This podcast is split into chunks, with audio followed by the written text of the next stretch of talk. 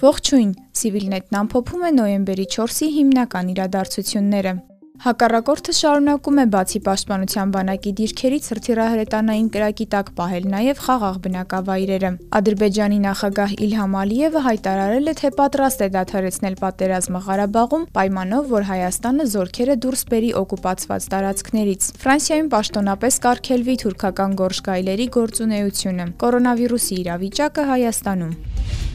Արցախի պաշտպանության բանակը հաղորդում է, որ գիշերվա ընթացքում հարաբերական կայուն լարվածությունը պահպանվել է ճակատային գծի բոլոր ուղություններում։ Թշնամի շարունակել է բացի պաշտպանության բանակի դիրքերից հրթիռահրետանային կրակի տակ պահել նաև խաղաղ բնակավայրերը։ Քաղաքացիական բնակչության շրջանում կան տուժածներ։ Կեսգիշերից հետո թշնամական դիվերսիոն խումբը փորձել է հաջողության հասնել Շուշիի ուղությամբ, սակայն հանդիպելով բանակային ստորաբաժանումների եւ կամավորականների կազմակերպված դիմադրությանը եւ կրելով մեծաթիվ կորուստներ հետ է շպրտվել։ Ավելի ուշ պաշտպանության նախարարի խոսնակ Շուշան Ստեփանյանը հաղորդեց, որ հարավային ուղությամբ խոցվել է հակառակորդի գրոհող 3 տանկ։ Ժամը 12:55-ի սահմաններում թշնամի նույն ուղությամբ ձեռնարկել է հերթական հարձակումը եւ կորցնելով եւս 2 տանկ եւ 2 հետևակի մարտական մեքենա դարձյալ հետ է շպրտվել ելման դիրքեր։ Ճակատային գծի տվյալ հատվածում ներկապահին մարտերը շարունակվում են։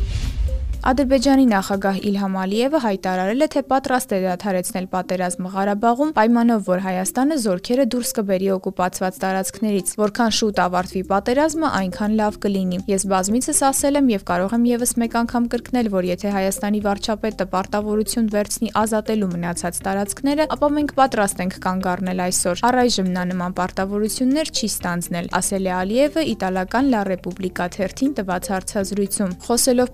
փողզիջումների մասին Ադրբեջանի նախագահը նշել է, որ Երևանի փոխզիջումը պետք է լինի բոլոր գրավյալ տարածքների լիակատար ազատագրումը ՄԱԿ-ի անվտանգության խորհրդի բանաձևերին եւ նրանց հիմնական սկզբունքների կատարմանը համապատասխան։ Հիմնարար սկզբունքներում ասվում է, որ սկզբում պետք է ազատվեն 5 շրջանները, իսկ հետո երկուսը։ Մենք արդեն միակողմանիորեն ազատագրել ենք 4 շրջան։ Դրա համար էլ նա պետք է ասի, որ զորքերը պետք է դուրս բերվեն օկուպացիայի տակ մնացած Աղդամի, Քելբաջարի, Լաչինի շրջաններից, բայց նա նման հայտարարություն չի անում։ Դա ցույց է տալիս, որ նա չի ցանկանում պատերազմի դադարեցում, ամփոփել է Ալիևը։ Ֆրանսիայում պաշտոնապես կարգելվի թուրքական գորշկայլերի գործունեությունը այս մասին տեղեկացնում է Հայաստանի մարդու իրավունքների պաշտպանը։ Այս կարևոր որոշման մասին այսօր մարդու իրավունքների պաշտպանին տեղեկացրել է Հայաստանում Ֆրանսիայի արտակարգ եւ լիազոր դեսպան Ժոնաթան Լակհոտը, ասվում է տարածած հաղորդագրությունում։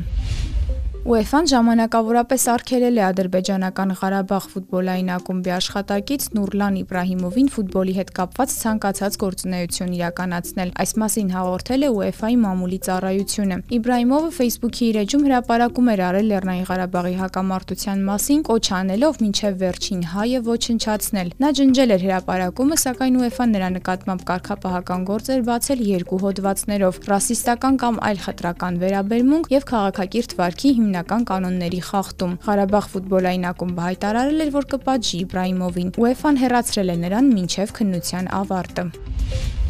Հայաստանում նոյեմբերի 4-ի դրությամբ հաստատվել է կորոնավիրուսի 2374 նոր դեպք։ 1212 մարդ առողջացել է, մահացել է 35 մարդ։ Բացասական թեստերի թիվը 2191 է։ Դրական է կատարված թեստերի մոտ 52%-ը։